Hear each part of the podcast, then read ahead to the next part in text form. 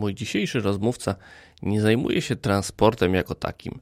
Nie jest też projektantem infrastruktury ani systemów transportowych, również jako takich. Nie zajmuje się też bezpośrednio analizami mobilności, ale w dużym stopniu potrafi kształtować naszą mobilność, naszą infrastrukturę i też wpływać na nasze zachowania transportowe. Już za chwilę dowiecie się, kto to taki. Bartosz Jakubowski, węzeł przesiadkowy. Zaczynamy.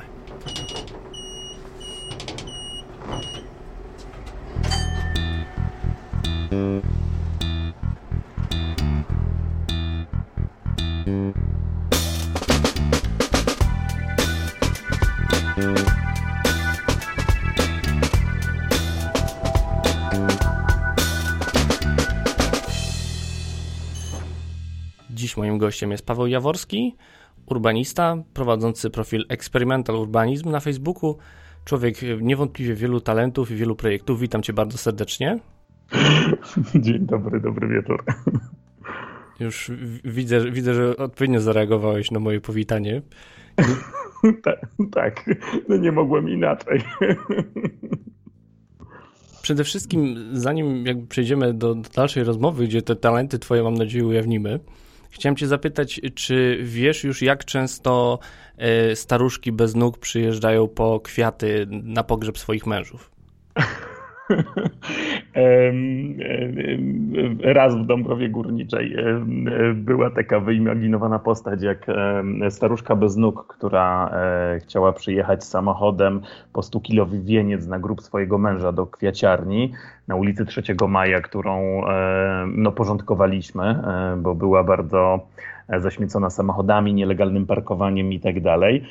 E, ale, ale staruszka bez nóg, e, no to to tylko jedna z anegdotek, jeden z gdybajów, czyli taka forma literacka, którą stworzyłem pracując na, na ulicach i placach miejskich w Polsce. E, czyli taka forma literacka, której używają ludzie oponujący czy oporujący wobec zmian urbanistyczno-transportowych, przedstawiając różne hipotetyczne sytuacje, które zdarzają się w związku z tym, że no, przestrzeń jest otwierana dla osób poruszających się pieszo, osób poruszających się na rowerze, no i automatycznie, no przynajmniej częściowo zamykana dla tych, e, którzy korzystają przede wszystkim ze swojego prywatnego auta. No więc staruszka bez nóg była raz w Dąbrowie Górniczej, e, ale w Gorzowie Wielkopolskim była pani, która mm, czuła się e, wepchnięta do getta. Potem pięć minut później okazało się, że jest to jednak obóz koncentracyjny, a po 10 minutach była już to E, komora gazowa, w sensie krematorium. Byli też ludzie, którzy twierdzili, że uczestniczą w promowaniu niezrównoważonego niedorozwoju. Tak było w Warszawie. E, byli wreszcie ludzie, którzy mm, czuli się osaczeni przez zmiany transportowe, bo nie były uzgadniane z wojewódzkim konserwatorem zabytków, tak jakby on coś miał do rzeczy i tak było w Krakowie. No i tak, no w Szczecinie to przede wszystkim słuchałem o tym, jak, jak łamane są prawa człowieka, e, o tym, że samochody jeżdżące e, po ulicach wolniej wcale nie, e, nie powodują, że jest na ulicy bezpieczniej, tylko że wydzielają niesamowitą ilość spalin i zatruwają mieszkańców. No więc tak, zaczęło się od staruszki, a skończyło się na łamaniu prawa człowieka, praw człowieka i, no i różnych innych e, plagach egipskich, które spadają na polskie miasta i społeczności polskich miast w wyniku tego, że coś się w przestrzeni publicznej dzieje. Jeszcze myślałem, że wspomnisz o komunizmie, który też się pojawia wielokrotnie. Aczkolwiek ciężko zawsze było stwierdzić, czy komunizmem są szerokie prospekty, jak e, nie przymierzając na Białorusi, czy komunizmem jest zabieranie samochodów z ulic. Czyli można powiedzieć, że tak. jesteś takim Emanuelem Goldsteinem urbanizmu w Polsce. No nie, ja jestem, jestem po prostu no, no, no urbanistą czy projektantem, e, e, osobą, która próbuje przestrzeń publiczną uczynić trochę lepszą. E, no, myślę w jakiś tam określony sposób, bo oczywiście mam pewną, pewną wizję, pewne wyobrażenie o tym, czym jest dobra przestrzeń publiczna. E, no i staram się tę wizję realizować i też mam jakieś takie poczucie głębokie, że, że to nie jest moja prywatna wizja, że, że, że to jest taka rzecz, która siedzi e, głęboko w ludziach, e, chociaż nie zawsze jesteśmy tego w pełni świadomi. No, inna rzecz jest taka, że Dużo osób oczywiście marzy o tym, żeby przestrzeń była przyjemniejsza, bezpieczniejsza, e, żeby służyła różnym osobom, nie tylko na przykład agresywnym kierowcom. E, chociaż no, nie zawsze te osoby chcą zająć stanowisko, nie zawsze mają narzędzia do tego, żeby wpłynąć na, na politykę miejską czy na, na działania przestrzenne w mieście, e, na, na, na, projekty urbanistyczne, żeby doprowadzić do tego, żeby ta przestrzeń faktycznie, faktycznie taka była. Ale wracając jeszcze na chwilę do, do, do tego komunizmu, no to tak, to, to, to, ale to już jest taki wątek, który przecina wszystkie projekty, mm, gdzie trwa dochodzenie, czy e, walczę z, dosłownie z sowieckimi rozwiązaniami transportowymi, czy wręcz przeciwnie, jakby promuje komunizm, e, bo jest takie domniemanie, że e, działanie w domenie transportowej, czy takiej urbanistyczno-transportowej, jest e, nie tyle odbieraniem przywileju, który powinien być negocjowany, mam na myśli przywileje związane z użytkowaniem przestrzeni pod kątem transportu samochodowego, e, tylko że jest to odbieranie praw, ponieważ mm, no, wielu moich rozmówców, czy osób, wiele osób, które ocenia moją pracę, uznaje, że istnieje takie no, głęboko zakorzenione w naszych sercach, w naszym społeczeństwie, no, wryte w nasze DNA prawo do jeżdżenia prywatnym samochodem wszędzie, no i parkowania go wszędzie. E, I, i, e, i jakby, że to jest jakaś emanacja wolności, więc każdy, kto zadaje pytanie o to, czy powinno być tak, jak jest teraz, no z automatu jest uznawany za, e, za komunistę, socjalistę. No tak, takie epitety się pojawiają. To może wróćmy chronologicznie do tej staruszki bez nóg, która miała przyjechać w Dąbrowie Górniczej po kwiaty. To jest taki pierwszy projekt, z którego ja kojarzę swoją postać, jako człowieka, który tę ulicę próbuje zmieniać. Jakbyś mógł mhm. opowiedzieć, mhm. na czym ten e, eksperyment w Dąbrowie Górniczej polegał i, jak on się skończył tak naprawdę? Bo o swoim eksperymencie też mogli poczytać czytelnicy w książce Olgi Gitkiewicz, właśnie tam się pojawiła mhm. też ta staruszka y, archetypiczna, można powiedzieć, legendarna, ale jakbyś zaczął od tego może projektu, co tam y, się stało? Albo co się e, okay. nie stało, a miało się stać? To jest, więc cofamy się do 2017 roku. To jest to już y, wtedy mija rok od kiedy uruchomiliśmy projekt Żywa Ulica. My, bo, bo to był większy zespół, e, zespół ludzi. Ludzi, którzy e, byli architektami, urbanistami, inżynierami ruchu, no, lub inżynierkami, bo to były, były kobiety i mężczyźni. E, ale to był pierwszy projekt, kiedy pracowaliśmy z, z użyciem prototypowania w, w partnerstwie z samorządem. Wcześniej robiliśmy działania tymczasowe w przestrzeni ulic miejskich, ale to były takie działania rzecznicze, budowane oddolnie, e, trochę po to, żeby pokazać, że przestrzeń może działać inaczej, ale bez tej kontynuacji takiej e, urbanistycznej czy, czy, czy, czy w zakresie polityki przestrzennej. No czyli tak, jest 2017 rok, trafiamy do Dąbrowy Górniczej, pracujemy e, z Wydziałem, e, Wydziałem e, Spraw Społecznych, czy Wydziałem, Działalności, Wydziałem Organizacji Pozarządowych i Aktywności Obywatelskiej, tak on się nazywa. Jest to wydział, który odpowiada za rewitalizację i elementem rewitalizacji centrum miasta jest przekształcenie ulicy 3 Maja. To jest e, dawna ulica, e, taka standardowa historia urbanistyczna. E, główna ulica miasta, która od lat 90. ulega systematycznej degradacji. Dawny, dawną przestrzeń deptaku, dawną przestrzeń przeznaczoną głównie dla pieszych zajmują samochody, nielegalnie zaparkowane najczęściej.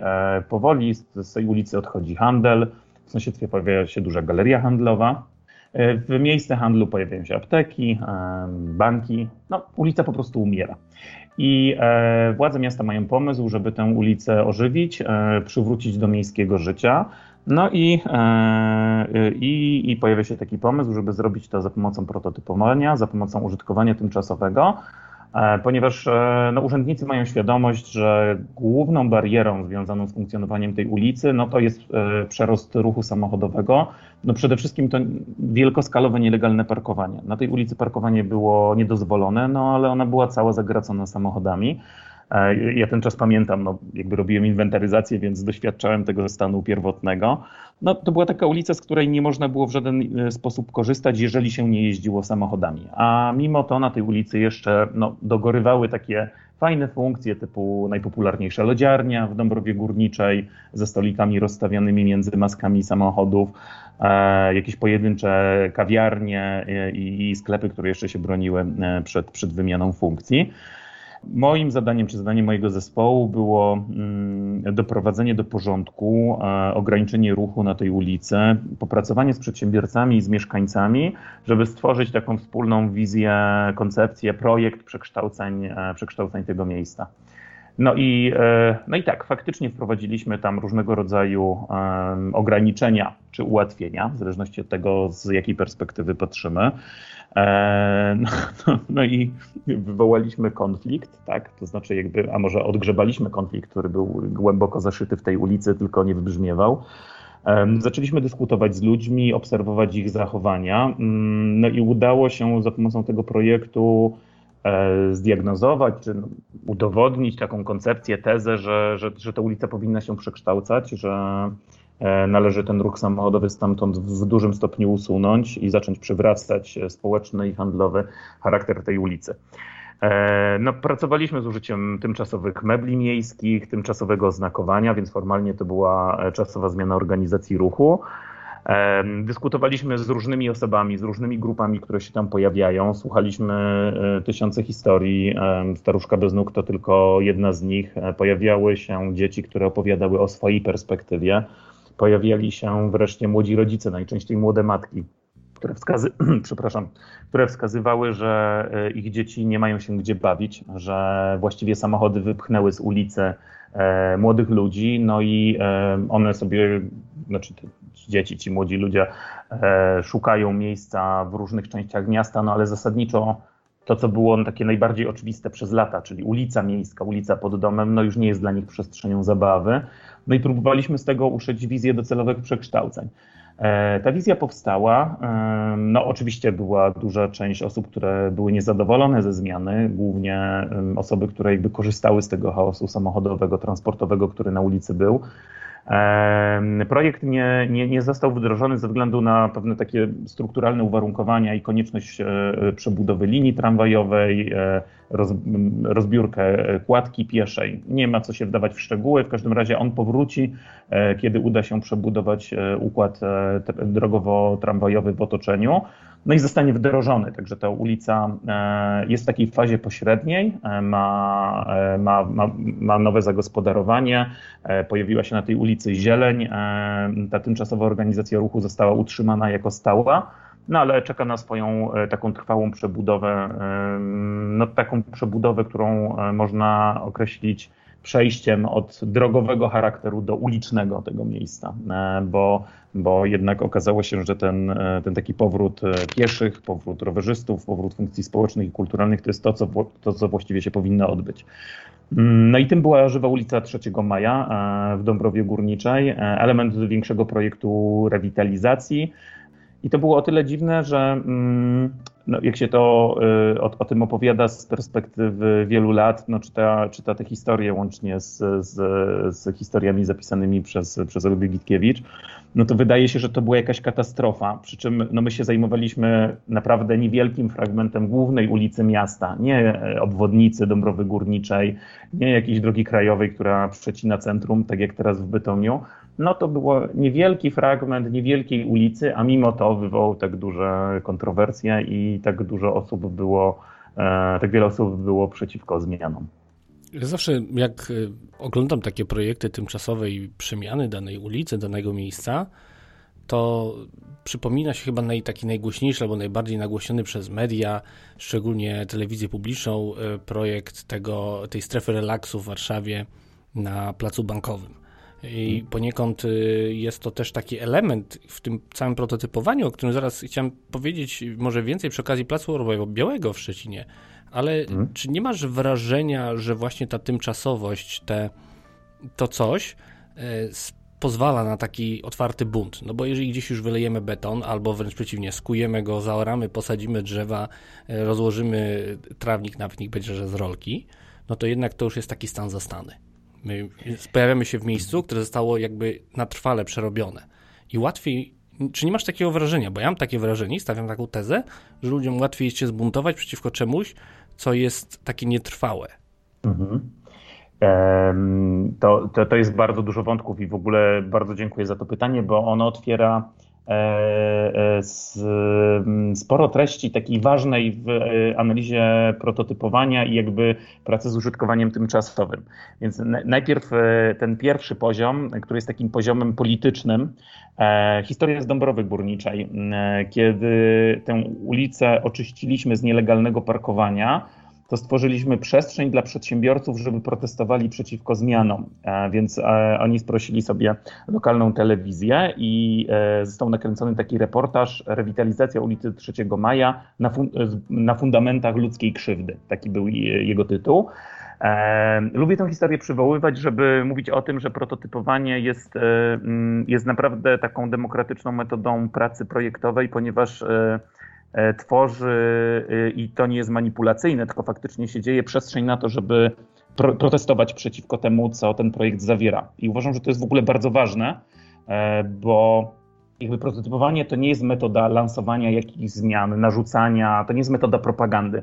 To jest metoda pozyskiwania od ludzi korzystających z ulicy informacji o, o, o ich potrzebach po to, żeby na koniec stworzyć lepszy projekt. Więc to jest takie narzędzie, które pozwala nam racjonalizować e, rozwiązania projektowe. No i faktycznie jest tak, że jeżeli przygotowujemy projekt ekspercko w oparciu o jakieś modelowanie, analizy albo dyskusje o rzeczach, których nikt sobie nie potrafi wyobrazić, tak, takie gadane konsultacje, e, gdzie przedstawia się jakieś e, projekty, nie wiem, drogowe, drogowo-urbanistyczne, no i właściwie nikt nie, nie wie, co się stanie z układem ulicznym po ich wdrożeniu.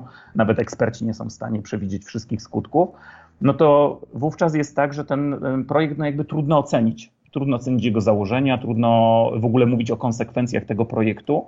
E, no trzeba się jakby otworzyć na to, że coś powstanie i nie do końca jesteśmy w stanie przewidzieć skutki e, naszych działań. No, jeżeli pracujemy z użytkowaniem tymczasowym, no to część, e, część skutków, część konsekwencji można ujawnić, tak? Na przykład tymczasowa organizacja ruchu pozwala nam stwierdzić, co się stanie z tą ulicą, z tym placem, ale może nawet z całą dzielnicą, bo, bo, bo, bo zmiany e, transportowe często oddziaływują, czy oddziałują na to, co, co się dzieje w otoczeniu, co się dzieje w sąsiednich kwartałach, na równoległych ulicach czy prostopadłych. Mm, e, no i można wspólnie z ludźmi, którzy korzystają z tych miejsc, pochylić się nad tymi konsekwencjami, powiedzieć, co było dobre, co było złe, co ułatwiało, a co utrudniało nam funkcjonowanie na co dzień i dzięki temu zebrać e, informacje do projektu. Więc y, oczywiście łatwiej jest się zbuntować przeciwko temu, co tymczasowe i naciskać na to, żeby zmiany tymczasowe zostały odkręcone, zostały zmienione, żeby zostało przywrócone to, co było wcześniej, to status quo, ale z drugiej strony użytkowanie tymczasowe no, pozwala nam dotrzeć do czegoś, do czego nie dotarlibyśmy żadną inną metodą, bo ja tego nie jestem w stanie udowodnić teoretycznie, ale to jest taka y, uwaga z praktyki, bo to się potwierdza za każdym razem w każdym projekcie, e, kiedy pracuję z, z, ludźmi korzystającymi z danej ulicy, z danego miejsca, czy, czy tam placu miejskiego, e, to proszę, żeby mm, jakby spróbowały wyobrazić sobie, co się stanie, kiedy wdrożymy zmiany. Tak no, wyobraźni zasymulować to, co się zadzieje w przyszłości. No i proszę ich o wskazanie takich obaw, lęków, no, rzeczy, które będą prawdopodobnie trudne. No i potem się okazuje, że prototyp ujawnia zupełnie inne treści, tak? że to, czego się obawiamy przed prototypem, to jedno, a to, co się realnie dzieje, dobrego czy złego w trakcie prototypowania, w trakcie testowania zmian, to drugie. I e, pierwszy raz to dostrzegłem w Dąbrowie Górniczej, ale widzę to też w innych miastach, więc e, no, będę też starał się i w tej rozmowie, i za każdym razem staram się w dyskusjach o prototypowaniu bronić e, też takiej tezy czy takiej koncepcji, że E, że to jest jednak bardzo dobra metoda pozyskiwania wiedzy o potrzebach użytkowników e, w oparciu o ich refleksję o konsekwencjach zmian. I żadna inna metoda pracy projektowej, żadna inna metoda projektowania partycypacyjnego nie pozwala uzyskać takich informacji i nie pozwala zejść tak głęboko do takiej wspólnej społecznej refleksji nad tym, jak kształtować przestrzeń publiczną. Chociaż, no oczywiście, faktycznie jest tak, że E, prototypowanie otwiera nas na konflikty, e, otwiera nas na protesty, które no, są bardzo silne i często też trwają wiele miesięcy, jak nie lat. Ale to jakby stawiacie w zupełnie w opozycji do tego, co e, mówią twoi, jakby można powiedzieć, wrogowie, albo może nie tyle twoi osobiści wrogowie, chociaż często wyrażają to ad personam, natomiast e, przeciwnicy tych zmian. Bo ja często mam tak, że jak widzę jakieś miejsce, które jest na przykład obciążone park, nielegalnym parkowaniem, e, jest taką typową betonozą, jakimś paskudnym placem, na którym ktoś po prostu wyłożył kostką brukową albo płytami betonowymi i po prostu jest tam patelnia, to we mnie od razu pojawia się taki domorosły projekt, na który mówi samochody wyrzucić, drzewa zasadzić, zrobić to już teraz, zaraz. Ja chcę już zaraz mieć tą zieleń, ja chcę już zaraz tym powietrzem odetchnąć, ja chcę zaraz dostać tą przestrzeń. A ty jakby w tym momencie stawiasz się gdzieś pośrodku tego i najpierw właśnie próbujesz to zebrać, co jakby stoi w opozycji z tymi tezami, tymi oskarżeniami, tymi zarzutami, o których powiedzieliśmy sobie na początku. To jest dość specyficzne, można, można, mo, można powiedzieć, tak? Bo zazwyczaj się pokazuje aktywistów, urbanistów, te osoby, które próbują zmieniać tą przestrzeń, jako właśnie takich zamordystów, którzy tutaj ten ukształtowany status quo, jak, jakby domyślnie on był ukształtowany jakoś demokratycznym konsensusem, tak? Że oni go zmieniają rewolucyjnie, podczas kiedy ty pokazujesz tutaj jakby zupełnie inną stronę, właśnie tą demokratyczną. To, to jak to jest? To komunista czy demokrata liberalny? to tak, jakby myślę, że e, łatki trzeba z siebie ściągnąć, bo e, no, jest tak, że nawet jeżeli e, identyfikuje się na poziomie strategicznym z pewną wizją miasta, miasta przede wszystkim pieszego, który służy ludziom poruszającym się pieszo w pierwszej kolejności, miasta bezpiecznego, miasta, w którym nie boimy się puścić dzieci samych na, na ulicę czy na plac e, i pozwalamy im się tam e, bawić w zieleni, bo oczywiście to jest taka wizja, którą ja mam w głowie i, i ona jest bliska mojemu sercu, no to ja się nie zgadzam tak, z taką strategią taktyczną, to znaczy ja nie jestem aktywistą, jestem projektantem, więc działam w taki sposób bardziej kompromisowy, to znaczy wiem, że każda sytuacja jest indywidualna i wymaga E, bardzo dokładnego przebadania i, i przebudowa, przekształcenie tego miejsca, no to to jest proces, w którym trzeba iść na e, wiele kompromisów. To znaczy, mm, e, nie jest tak, że da się zrealizować w 100% jakąś agendę aktywistyczną. Nie da się zrealizować w 100% jakiegoś takiego jasno określonej, jasno określonej wizji i przede wszystkim nie da się tego zrobić natychmiast E, no i też mam świadomość tego, że wymaga to e, też wiel, wielu środków, tak? To wymaga pieniędzy, a pieniędzy nie organizuje się z dnia na dzień. To nie jest tak, że e, w poniedziałek prezydent podejmuje decyzję, że we wtorek coś zrobi. Trzeba robić projekty, trzeba uzyskiwać pozwolenie na budowę, tysiące różnych rzeczy, dokumentów, jakichś decyzji administracyjnych i tak dalej. Więc uważam, że no, trzeba bardzo rozsądnie podchodzić, znaczy tak bardzo uważnie podchodzić do całego procesu zmian E, trzeba go przygotowywać.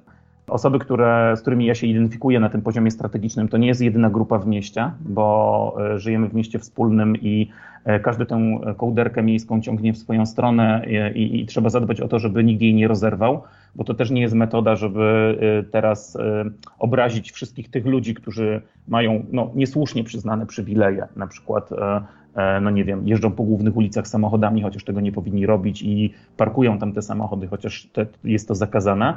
Wydaje mi się, że i to jest taki rys konserwatywny w tym, co robię. Wydaje mi się, że ludzie z polityką muszą się identyfikować, tak? To znaczy, polityka, żeby była skuteczna, no musi być taką polityką zbierającą różne interesy i różne wizje. Więc, e, więc staram się pracować właśnie w taki sposób. To znaczy, E, nie przychodzić na spotkania, walić pięścią w stół i narzucać ludziom swoją wizję. E, większość mojego czasu to tłumaczenie pewnych rzeczy, pokazywanie, prowadzenie badań, e, rozmawianie o różnego rodzaju scenariuszach i ich testowanie w rzeczywistości, ale to wszystko odbywa się w sposób kolektywny i uspołeczniony. No i przede wszystkim taki dyskursywny, tak? Każda zmiana jest komentowana, nad każdą zmianą się pochylam z ludźmi, proszę ich o to, żeby mi opowiedzieli o swojej perspektywie. E, nigdy nie proszę o jasne deklaracje, że coś jest dobre czy złe, bo uważam, że to jest bardzo powierzchowna, e, powierzchowny sposób rozmowy, tylko pytam ich o to, co im utrudnia lub ułatwia funkcjonowanie. No i dbam o to, żeby wypowiadały się różne osoby, tak? To znaczy e, Najczęściej w zmianach e, e, miejskich, w zmianach dotyczących miasta, no wypowiadają się kierowcy, tak? E, ale to nie jest jedyna grupa społeczna. I nawet ludzie, którzy jeżdżą samochodami, no też poruszają się w inny sposób, przede wszystkim pieszo. No jakoś do tego samochodu dochodzą i potem z niego wychodzą i też coś w mieście robią. Więc staram się ludziom naświetlać te różne perspektywy. Czasami proszę ich, żeby postawili się w roli innej osoby. No i tak jakby myślę, że projektuje taką sytuację skomplikowanej rozmowy, bo no, wdrażając zmiany odgórnie w taki sposób, w taki sposób narzucony, no to jakby jasne, doprowadzamy do przegrupowania różnych interesów, może nawet realizujemy piękną wizję miasta, no ale my de facto skłócamy ludzi, tak? To znaczy na koniec mamy taką sytuację, gdzie e, ci, którzy zostali tą zmianą poszkodowani, nawet nie mieli chwili, nawet nie mieli pięciu minut, żeby się zastanowić nad tym, czy ta zmiana dla nich nie jest korzystna. Oni po prostu wchodzą w traumę, że im coś odebrano. E, nikt nie spotkał się z tymi osobami, nie porozmawiał o tym, że może coś zyskali dzięki temu, że na przykład nie parkują na jednym placu albo na jednej ulicy, e, że no, raz w tygodniu e, nie wsiądą do samochodu, mimo tego, że regularnie to robili i, i skorzystają z innego środka transportu. E, więc e, no tak, to jest dla mnie bardzo ważne i, i to identyfikowanie się z polityką przestrzenną i budowanie koalicji wokół zmian jest dla mnie bardzo ważne i myślę, że to jest, to jest rzecz taka super istotna. To nie jest tak, że E, można wizje strategiczne realizować w dowolny sposób. Ja się w ogóle nie zgadzam z takim sposobem e, myślenia. To znaczy, dla mnie sam proces dochodzenia do rozwiązania jest ważniejszy niż rozwiązanie. Więc e, ja nie będę forsował jakichś, nie wiem, wydumanych standardów, które nie pasują do danej przestrzeni. Nie będę forsował jakiejś jednej wizji miasta bardzo mi zależy na tym, żeby miasto było bezpieczniejsze, przyjaźniejsze, bardziej zielone, ale no, zależy mi również na tym, żeby jednak ludzie uczestniczyli w tej zmianie, bo wierzę w to, że tylko wtedy ta zmiana się utrwali. E, to znaczy, że ludzie będą z większą e, ochotą uczestniczyli e, w tym dobru, które wytwarzamy i będą myśleli o tym, że to też jest jakiś ich proces, a nie proces realizowany przez przez jakąś zewnętrzną grupę, przez władze miasta, e, które no, w domyśle e, chcą źle. Przyszedłeś przez tyle tematów, że jakby cała seria pytań, które miałem przed tym już jest nieaktualna i urodziły mi się zupełnie nowe i to już od razu dwa. Pierwsza rzecz, okay. podczas tego co mówiłeś, to przypomniał mi się twój wpis na Facebooku sprzed tygodnia. Zamieściłeś tam taki komentarz. Pewnej pani, która mieszka przy ulicy Miarki w Bytomiu. Jako kierowca mówię, że średnio mi się to podoba, ta prototypowana zmiana. Tak. Jako matka dzieci w wieku szkolnym mieszkanka ulicy Miarki to super rozwiązanie. Wreszcie będę mogła puścić syna samego do szkoły. I to mówienie o ciągnięciu kołderki, to tak naprawdę ja sobie wyobraziłem w, te, to, to, w tym momencie tą jedną osobę, która prawą ręką, ręką mhm. kierowcy, którą trzyma na dźwigni zmiany biegu, ciągnie w jedną stronę i tą drugą rękę, która trzyma tego syna za rękę. I to tak. ta kołderka mi się zwizualizowała w rękach i jak to jest możliwe? Może ty mi powiesz, bo jesteś z tego co wiem również filozofem. Jak to jest możliwe, że w jednym człowieku jest ten Dr. Jekyll i Mr. Hyde? E, tak, no to prawda, że jestem filozofem, nie jestem psychologiem, e, więc, e, więc e, no, zajmuję się taką dziedziną spekulatywną, nie, nie empiryczną. E, ale tak, i faktycznie jest tak, że mm, jeżeli próbujemy sobie wyobrazić proces kształtowania miasta i zarządzania interesami, no to metafora ciągnięcia kołderki przez różne osoby jest e, uproszczona, bo często jest tak, że no, mamy różne tryby obecności w świecie i korzystania z miasta. I może być tak, że no, przez samo to, że myślimy o sobie właśnie jak ta kobieta, jako człowieku, który kieruje samochodem i jako o osobie, która no, jeździ samochodem w mieście, no to może się okazać, że mamy e, różne potrzeby, jeżeli myślimy o sobie w taki sposób bardzo prosty. To znaczy, nie wiem, jesteśmy kierowcą, wsiadamy do samochodu, chcemy szybko gdzieś dojechać, natychmiast, bez zważania na konsekwencje, bez zważania na koszty e, naszych decyzji e, komunikacyjnych.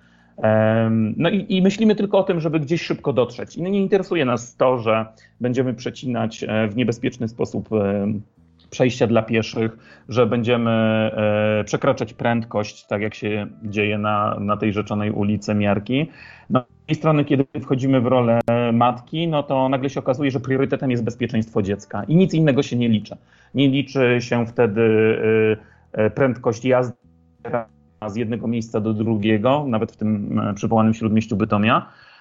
Oczywiście to jest tak, że ten wpis, myślę, jest takim no, no pewnym takim no, próbą zasygnalizowania, że halo rozmówcy, bo on był w pewnym kontekście, halo moi rozmówcy, słuchajcie, no, y, trzeba pomyśleć z innej perspektywy, bo, bo, bo myślę, że dla tej kobiety akurat sprawa jest jasna. No ona jest zwolenniczką zmian, bo, bo chce, żeby dzieci jej czuły się bezpieczne, bo one się bawią na ulicy, więc, więc dla niej to jest priorytetem i jest w stanie zrezygnować ze swoich takich no nie wiem, nie, nie powiem, że to są potrzeby takich żądań, e, które kierowcy formułują, czyli natychmiast prosto do celu. E, no ale kiedy, kiedy rozmawia się z ludźmi i nie wchodzą na wysokie C emocjonalne i e, nie, nie, nie, nie, nie krzyczą, no to, no to często tak w taki sposób rozumują, że próbują sobie ułożyć swoje stanowisko wobec zmiany, tak trochę kalkulując, mówiąc, że no okej, okay, z tej perspektywy to może tracę, ale z tej perspektywy zyskuję, tak? I robię link do tego, o czym mówiłem wcześniej, że ja nigdy nie pytam o, o to, czy ludziom się coś podoba, czy nie podoba, bo, bo uważam, że to spłaszcza dyskusję e, o, o, o zmianach urbanistycznych. Chcę wiedzieć, w jaki sposób ta zmiana była dla nich trudnością, czy w jakim aspekcie była trudnością, w jakim aspekcie była ułatwieniem. I myślę, że gdybym z tą kobietą rozmawiał, bo nie, niestety miałem, nie miałem okazji, ale może, może ta okazja w październiku się już pojawi, no to właśnie e, w ten sposób chciałbym pociągnąć tę dyskusję. To znaczy dowiedzieć się, co było dla niej trudne jako dla, dla, dla osoby, która porusza się samochodem po tej ulicy, a co było dla niej łatwe, co było dla niej e, super z punktu widzenia, z punktu widzenia matki. E, no i myślę, że gdzieś bym wydobył ostatecznie jej akceptację lub taką akceptację warunkową dla zmian, bo może będzie miała jakieś kolejne pomysły, takie racjonalizujące te wysiłki projektowe, które podejmujemy. No ale tak, no przez taki proces dyskusji o tych interesach trzeba byłoby, byłoby przejść. No i nawet jeżeli to jest teraz sformułowane jako, że jestem za, a nawet przeciw, no to, no to gdzieś tam na koniec te, ta, te, ta ocena się pojawia. Przy czym od razu chcę zaznaczyć, że takich osób jest bardzo mało, jak ta kobieta.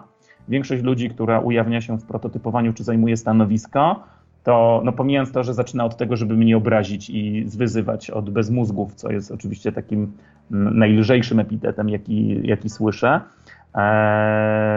no, no, no to chcę tylko zaznaczyć e, swoją agresję. Przy czym ja znowu to tłumaczę w taki sposób bardziej refleksji psychologicznej, to znaczy e, ci ludzie nie przychodzą po to, żeby mnie obrazić, to, nie do, to, to jest tylko fo, e, sposób wyrażenia swojego zaniepokojenia, czy sposób wyrażenia swojego takiej lęku przed tym, że te zmiany w jakiś istotny sposób tym ludziom zaszkodzą. Tak? To znaczy, oni są w takiej sytuacji trochę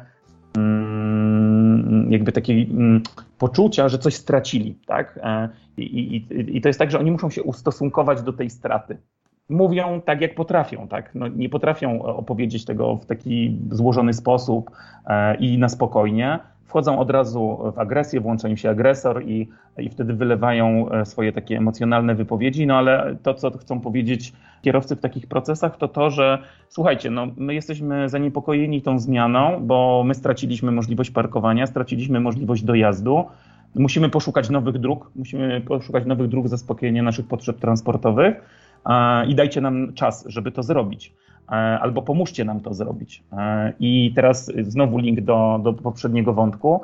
Jeżeli my jakby przekreślimy e, te ich potrzeby, przekreślimy ten, to ich poczucie straty, mówiąc, że nie mają do tego prawa, bo muszą się teraz dostosować do aktywistycznej agendy, no to, to, to jest, no to jest niefajne, nie? To jest to, to jest psychologicznie niewłaściwe i tak w ogóle się nie powinno z ludźmi rozmawiać i tak się nie powinno z ludźmi postępować, że, że, że po prostu im mówimy, że ich potrzeby są passe, ich sposób życia jest mm, oldschoolowy i w ogóle są niedopasowani do współczesnego świata. No, przez lata im ktoś pozwalał jeździć gdzieś samochodem, pozwalał im gdzieś samochodem parkować, nawet jeżeli to było nielegalne, no to władze pozwalały na to na przykład nie reagując e, na, na te zachowania niewłaściwe.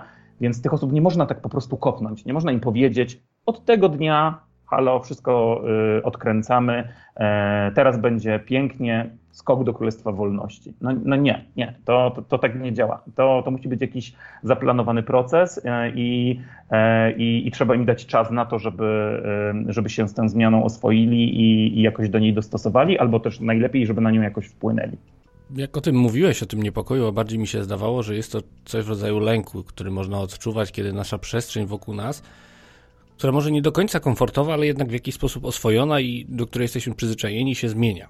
Mhm. Natomiast chciałem, żebyś może powiedział, co na tej ulicy Karola Miarki w Bytomiu się zmieniło, bo y, z tego, co do tej pory opowiadałeś, to dla, dla mnie słuchając tego, nie widząc, nie patrząc na zdjęcia tej ulicy, to mi się wydaje, że tam zaszła jakaś dramatyczna zmiana. A co tam się zmieniło tak naprawdę?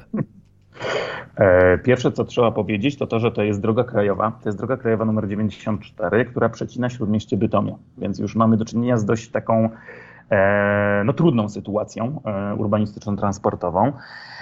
I ten odcinek drogi krajowej jest jednokierunkowy. Ruch w drugim kierunku odbywa się po drodze równoległej, po drugiej stronie tego historycznego średniowiecznego centrum. I e, ta, ta, ta droga jednojezdniowa e, z dwoma pasami ruchu i z, z pasami do lewoskrętu lub do włączania się z, przy zjeżdżaniu z dróg prostopadłych została zawężona, e, zawężona do jednego pasa ruchu. Pojawiło się dodatkowe parkowanie, pojawiła się dwukierunkowa ścieżka rowerowa i pojawiło się dodatkowe przejście dla pieszych. E, to jest oś, e, te zmiany dotyczą 850 metrów e, ulicy, prawie całej jej długości, no, czyli to jest prawie kilometr. Pracujemy z użyciem oznakowania wyłącznie, to jest tymczasowa organizacja ruchu, czyli mamy oznakowanie poziome wymalowane na żółto i znaki pionowe. To nie jest trwała przebudowa, także tam nie było jakiejś rewolucji infrastrukturalnej, tylko reorganizacja, reorganizacja ruchu na poziomie inżynierii ruchu.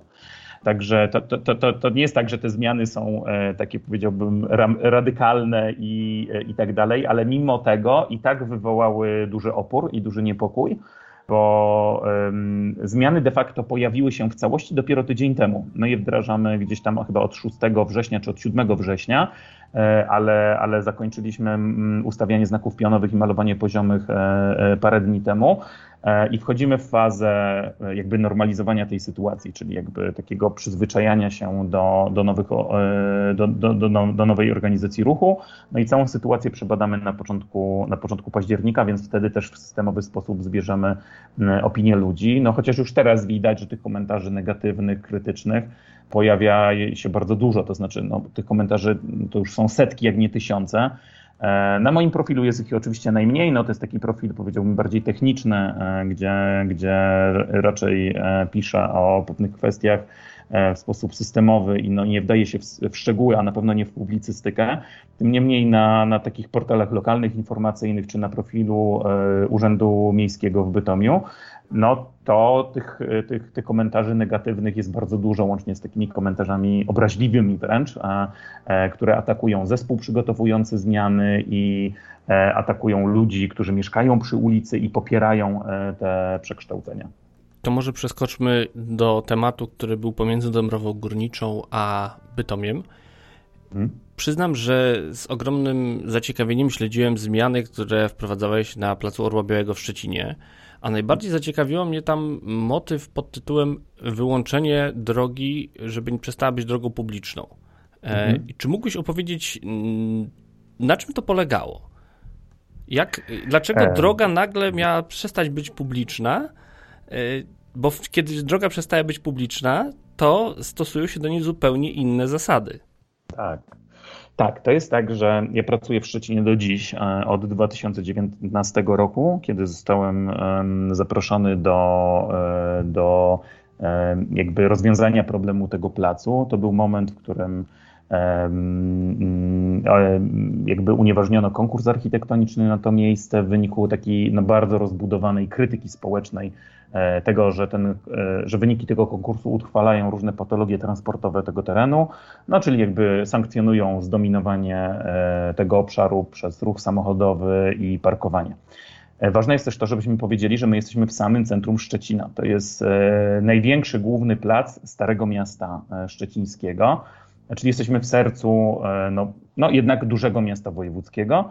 No i kiedy ja tam się pojawiam, to jest e, obszar, e, który jest poprzecinany przejezdnymi e, drogami, przejezdnymi ulicami. No i plac jest zjedzony przez miejsca postojowe w, w, dużym stopniu.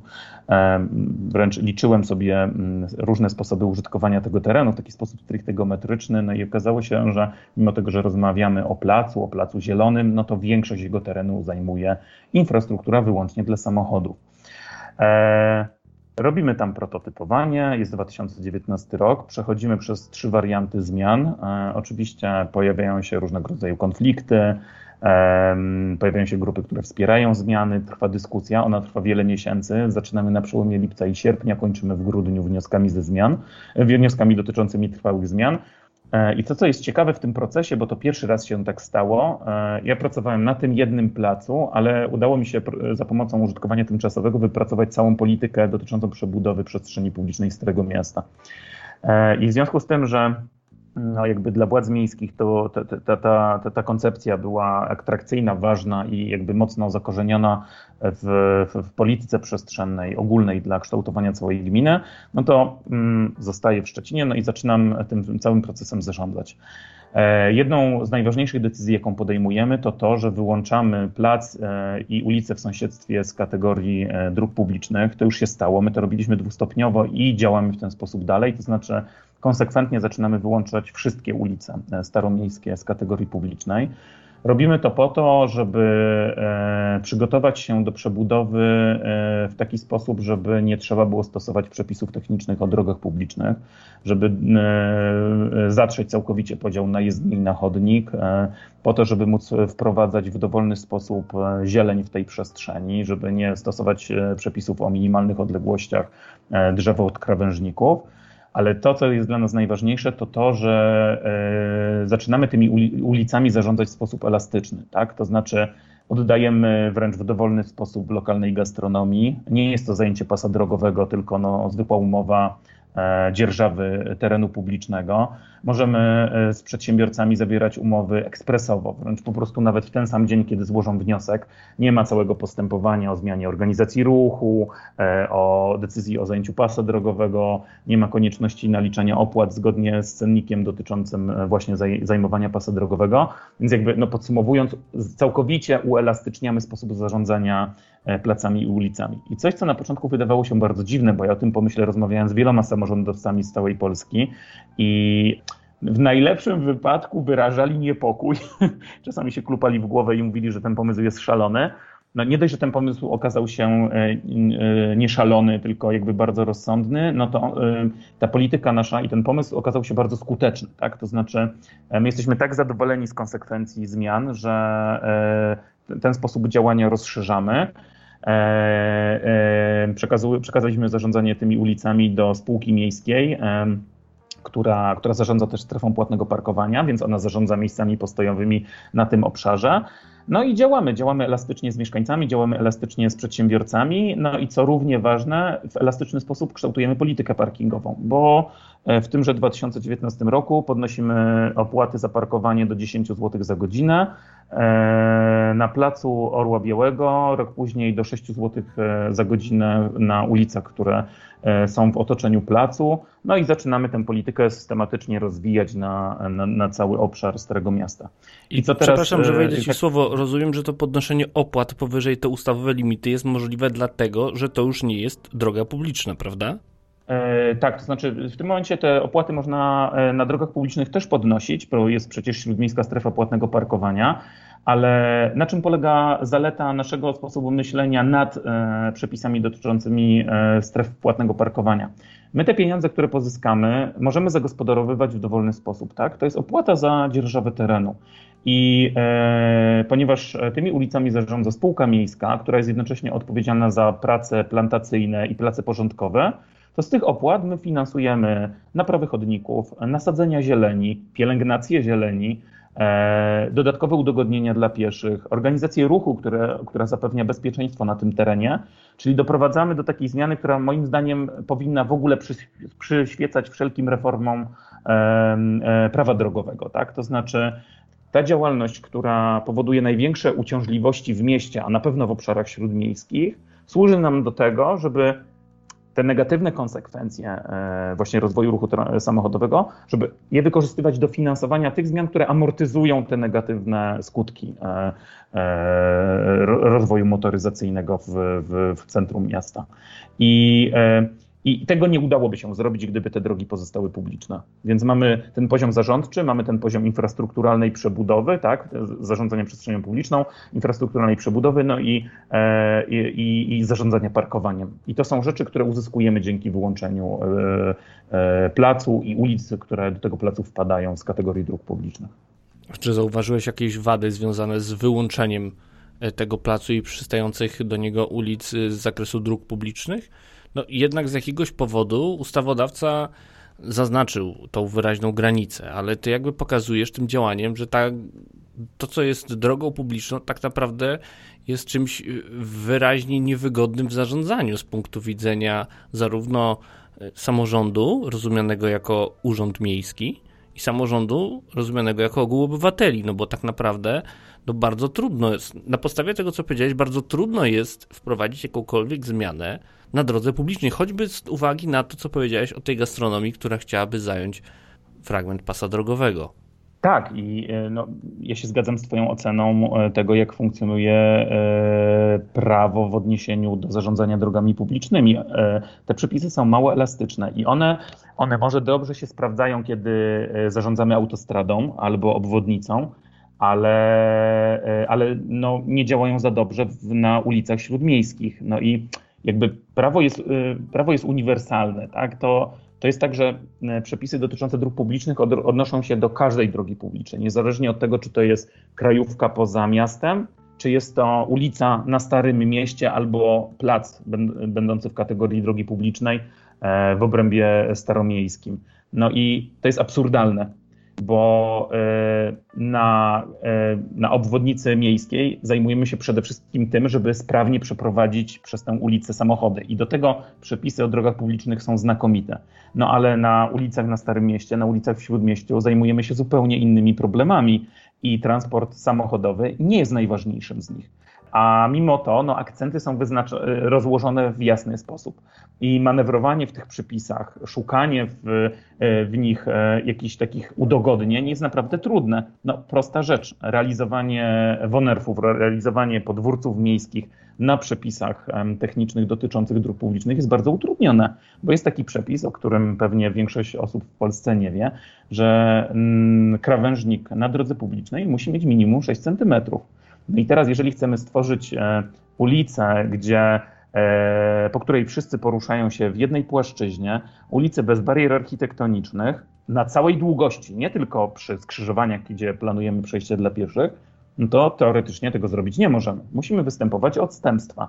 Tylko, że taki system, gdzie, w którym zaczynamy jechać na odstępstwach, e, projektując duże obszary, no ten system jest absurdalny, tak? To znaczy on ośmiesza sam siebie, bo mm, no, system e, działa dobrze, kiedy nie, nie, nie, nie jest skonstruowany tak, że trzeba tworzyć na okrągło e, wyjątki e, od, od niego. Więc wyłączanie dróg czy tam ulic miejskich z kategorii dróg publicznych pozwala nam uniknąć tych wszystkich trudnych momentów, które są wywołane przepisami o drogach publicznych. Chociaż oczywiście no, to jest znowu jakby tworzenie wyłomu. Ja byłbym najszczęśliwszy, gdyby e, no jednak zreformowano przepisy dotyczące dróg publicznych e, i rozróżniono sytuacje śródmiejskie i sytuacje e, dróg, które śródmieś, śródmie, są, są zlokalizowane poza śródmieściem, poza obszarami zabudowanymi, poza terenami, w których chronimy przede wszystkim pieszych, chronimy rowerzystów przed, przed samochodami, przed, przed motoryzacją, przed, przed tymi skutkami negatywnymi e, ruchu aut. I myślę, że to jest ciekawy pomysł na kolejny odcinek, niekoniecznie za tydzień, ale właśnie może pokazanie tego, jak bardzo te przepisy o drogach publicznych nie przystają do tego, jakie są oczekiwania wobec dróg publicznych, nie tylko ze strony kierowców. Tak, no yy, tak, no pełna zgoda. To jest yy, w, w, inżynierii ruchu to myślę nie jest tak widoczne, e, ale w urbanistyce to, to jest widoczne w sposób jaskrawy. Tak? To znaczy ten problem nabiera e, dużego znaczenia, no bo moment, w którym zaczynamy zajmować się drogą publiczną i rozumianą jako przestrzeń publiczna, to zupełnie inaczej rozkładamy akcenty, tak? To znaczy poprawność oznakowania jest dalej dla nas ważna, ale nie jest takim celem samym w sobie. Wszystko musimy podporządkować zupełnie innym, e, innym wartościom. I nagle się okazuje, że e, e, prawidłowość funkcjonowania ruchu to jest jedna z wartości, a wartości na przykład społeczne, kulturalne i ekonomiczne zaczynają dominować. No tylko, że czegoś takiego nie przewiduje ustawa o drogach publicznych. Mm, ona zajmuje się drogą publiczną jako elementem sieci transportowe, e, transportowej miasta. A wszystkie te aspekty, o których ja mówię i które są ważne w projektowaniu urbanistycznym, schodzą na dalszy plan. No ale jednocześnie jest tak, że poruszamy się w, w obrębie pasa drogowego, więc e, no, musimy albo podporządkować się tym przepisom, no albo szukać e, szczelin, luk, w których zagnieździmy nasz pomysł. No bo no, przepisy powinny być dla ludzi, a nie ludzie dla przepisów, tak? To znaczy, e, to, to że przepisy są e, no, ułomne, to jest może złe słowo, ale no jakby E, niedopasowane do, do sytuacji śródmiejskiej, to znaczy, że przepisy trzeba zmienić, a nie podporządkowywać urbanistyce, e, e, regulacjom, które powstały przecież no, wiele lat temu i, e, i były dopasowane do takich wartości urbanistycznych, których my, którym my już teraz nie hołdujemy. No bo ustawa o drogach publicznych funkcjonuje przecież w obiegu prawnym wiele lat a nie można powiedzieć, że to miasto, o którym marzymy teraz i które chcemy teraz stworzyć, to jest to samo miasto, e, o którym myślano w latach 80. No przecież myśl urbanistyczna poszła w zupełnie inną stronę. No chociażby ten wątek podkreślania bezpieczeństwa ruchu drogowego jako ważnej wartości w projektowaniu urbanistycznym, no to to nie jest taka rzecz, która została stworzona, e, czy rozpo, nie, ona zawsze była ważna i zawsze się pojawiała w debacie publicznej, ale nie budziła aż tak dużego zainteresowania i nie miała tak dużego poparcia jak teraz. Więc e, no, na pewno dyskusja o przepisach, o ich reformie, no i może nawet wręcz zasadniczej zmianie jest bardzo ważna. I tu na dziś niestety postawimy kropkę.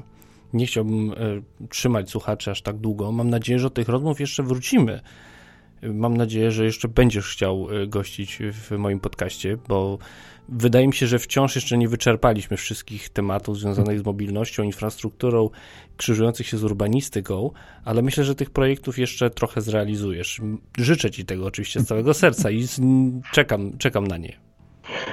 Dziękuję bardzo. E, bardzo chętnie się pojawię i, i opowiem e, o tym, co się dzieje w tych projektach i co z nich wynika to miejmy nadzieję, że następnym razem e, spotkamy się e, już z jakimiś wynikami, na przykład z Bytomia i być może będzie to też e, punkt do jakichś kolejnych zmian w metropolii Górnośląsko-Zagłębiowskiej, gdzie jak dobrze wiemy tych problemów na styku między samochodami, kierowcami, a pieszymi rowerzystami jest dość sporo.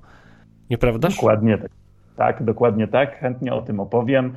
E, więc myślę, że październik, koniec października, e, początek listopada to będzie ten moment, w którym będzie można pewne rzeczy podsumowywać i też będzie można mówić o tym, co z tego wynika, zarówno w Bytomiu lokalnie, jak i e, co z tego wynika dla rozwoju tego sposobu myślenia czy tej metody pracy urbanistycznej. To jednocześnie zapraszając na kolejną rozmowę, dziękuję Ci za dzisiejsze spotkanie. Dziękuję. Na zakończenie tradycyjnie dziękuję wszystkim patronom podcastu, a w szczególności tym, którzy korzystają z biletów miesięcznych i oczywiście wszystkich zachęcam do tego, żeby z nich korzystać.